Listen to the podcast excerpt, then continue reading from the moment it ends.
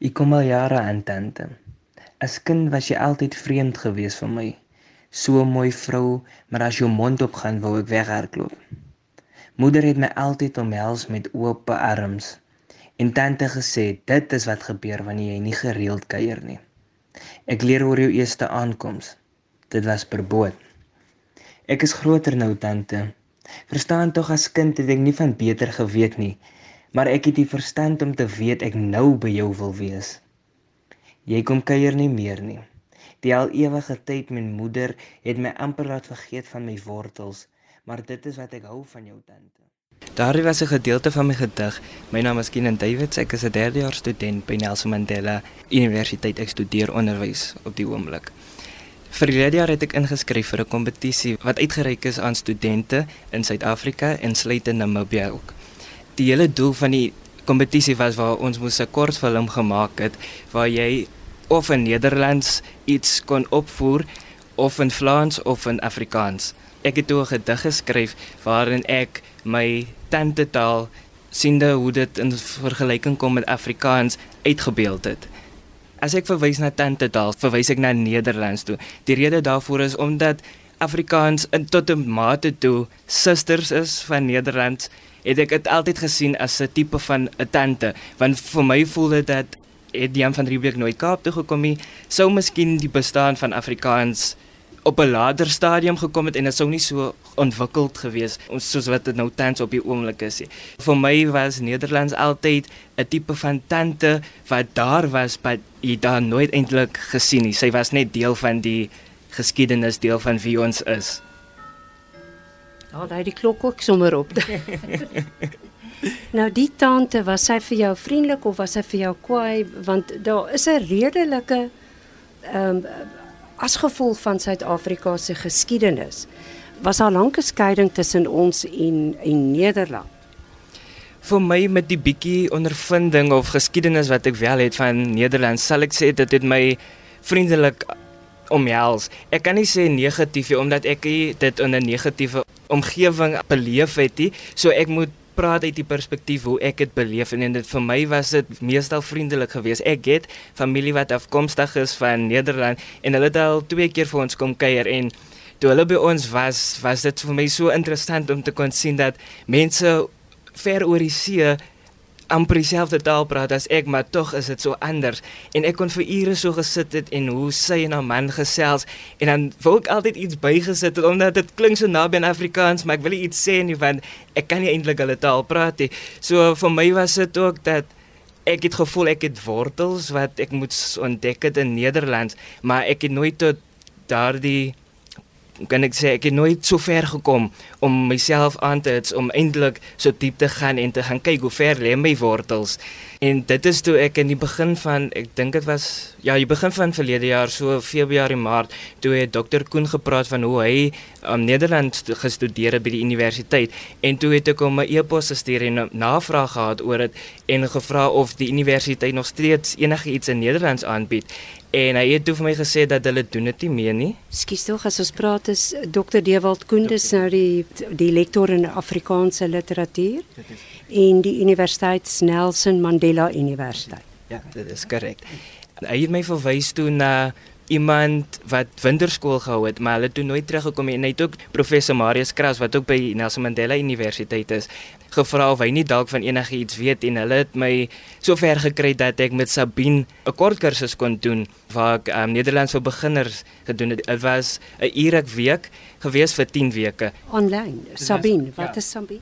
Sabine, sy het gewoon in België. Sy is ook 'n lektor by een van die universiteite in België. Ek is nie 100% seker nie, maar ja, dit was alles aanlyn gewees en meeste van die studente was oorsee gewees wat ook in België en Amsterdam woon, wat daar verhuis het van Suid-Afrika na Nederland verhuis het. So vir my het ook op mate het ek uitgevoel nie want ek was tussen my familie wat my moedertaal spreek en terselfdertyd is ons op dieselfde plek waar ons wortels wil ontdek en 'n nuwe taal vir aanleer. So vir my was dit baie lekker geweest om iets nuuts te kon aanleer 'n nuwe taal en ook terselfdertyd my wortels ontdek. So was dit nie vir die kursusse sou ek eintlik ook nooit vir die kompetisie ingeskryf het nie want jy moet 'n bietjie agtergrond hê van Nederlands.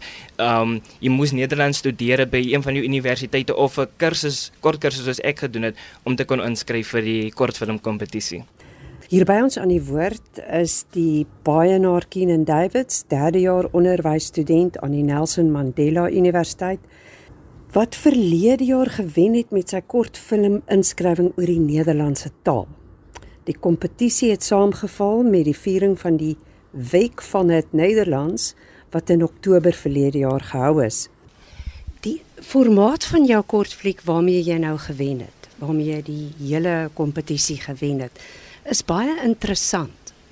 Is swart-wit en dan dis verskillende tonele. Hoe het jy op daai gedagte gekom? Om eerlik te wees, ek het dit gewing op baie oomblik. Ek het 'n gedig geskryf. Ek onthou ek het vir Dr Koen gevra, soos waaroor kan ek skryf en hy het vir my idees gegee en ek het navorsing gedoen, maar toe dink ek myself, maar ek kan eintlik niks hieroor skryf nie. Ek voel nie gemaklik nie. En ek is iemand wat gedigte skryf en ek het toe op daai oomblik gedink maar hoekom skryf ek net nie 'n gedig nie en op daardie oomblik het die woorde net opgekom dat my toe die hele idee van die tante taal um dit het alles net opgekom en ek het dit net neergepen. En ek onthou die week daarna het ek na die meneer toe gegaan en ek sê toe vir hom dit is wat ek het kyk net daarna en sê vir my ten minste ek is op die reg want ek, ek het 'n paar dae oor voor die kompetisie en hy sê toe vir my hy hou van die idee. Ek kan nie wag om te sien wat het ek in gedagte as ek nou die kortfilm gaan maak hê. En ek het toe huis toe gegaan die middag en ek het toe gedink maar ek wil dit nie te kompleks maak. Ek wil dit eenvoudig hou. En toe ek na na die gedig gekyk het, toe dink ek, okay, ek verwys na die see waar die tante per boot aangekom het en ons het die hawe by ons. Toe dink ek, okay, ek gaan net soos ek op die snelweg ry, net foto neem toe gelukkig toe was daar 'n skip op die, um, op die hawe gewees en dit het so mooi ingevleg die hele hoe sy so, so kon ek in 'n manier uitbeeld hoe die tante op 'n figuurlike manier per boot aangekom het. So ek het dit net basies heel eenvoudig gehou soos ek ook verwys het dat ek leer my tante taal, ek leer haar ken. Dit is ook soos ek in die kortfilm illustreer hoe ek in die biblioteek sit met die Nederlandse boeke en hoe ek dit leer. So dit verwys dit kan letterlik en figuurlik na gekyk word as jy die kortfilm kyk en jy luister na die gedig, dit kan letterlik gesien word en op 'n figuurlike manier. Jy gaan nou ook letterlik eh, kan oorgaan, maar dit sal nou nie 'n skip wees. Dit sal 'n vliegtyg wees. Ja. Want deel van jou prys is dat jy oorgaan na België en Nederland en wanneer gaan jy? Dit is korrek ja. Um die hele idee was om te probeer iewers in die jaar te gaan wat vir my gaan pas. Ek moet meestal kyk vir wanneer dit vakansie is omdat ons nou terug gaan na klasse op kampus gaan niks gaan meer aanlyn wees nie. So ek moet mooi uitwerk hoe ek nou gaan maak so dit moet mooi inpas dat dit op 'n vakansietyd kan wees maar nie op so 'n tyd waar ek net 2 dae daar kan wees of waar ek genoeg tyd het om soos ek gesê het my wortels te gaan ontdek en meer te gaan leer oor die die Vlaamse kultuur en die Nederlandse kultuur en alles wat gepaard gaan daarmee. Maar dit is wat ek hou van jou tante. My wortels sal nooit vrek op grond wat so vrugbaar is nie. Jy het maar altyd jou stempel op my gehad. Ek skryf die brief aan jou tante. Ek het begin leer om soos jy te wees, vriendelik, warm, kleurvol en liefdevol. Maar jy vat nie nonsens nie. Ek sien op die televisie hoe jy opstaan vir waarin jy glo. Jy laat duisende stemme een hoorbare stem word. Wondervleis tante. Ek leer om soos jy te praat. Jy klink baie na my moeder, maar soveel mooier. Moet haar dog nie sê nie. Jou deur staan altyd oop om almal te verwelkom met oop arms en 'n oop hart. Al aard ek na my moeder, sal jy my aanvaar as jou eie. Jy is nie die maklikste mens nie. Nes almal het jy jou goeie en slegte dae.